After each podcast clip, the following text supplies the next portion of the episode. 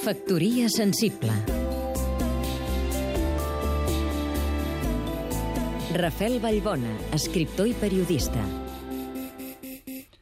Rebo un correu d'un estudiant d'ESO que ha llegit amb devoció una novel·la meva. Ho vol saber tot dels personatges, de l'autor, de l'entorn que va propiciar el relat. Li responc emocionat. Doncs no hi ha satisfacció més gran per un escriptor que el contacte amb els lectors. Ara, que poca gent llegeix i que la literatura catalana perd visibilitat agrupades, la interacció amb els lectors és una de les escasses raons per seguir escrivint. Però en Jota creixerà, deixarà l'institut i la professora que li va donar a conèixer els llibres. Potser es graduarà a la universitat i amb penes i fatigues tindrà una feina. I en el menys dolent dels casos, potser deixarà de llegir per plaer, pel simple plaer de gaudir de les històries que ens expliquen altres, pels relats que fan volar la ment i ens fan créixer com a persones sensibles i lliures. A moltíssima gent li passa.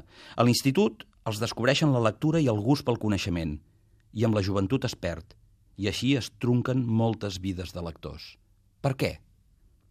Hi ha algun punt de la cadena de l'educació i de la vida que falla.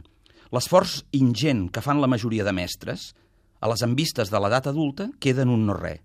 El sistema fagocita els seus fills, els idiotitza i després potser els fa metges o paletes, i a tots els nega el coneixement en la matèria més bàsica, la de ser éssers humans.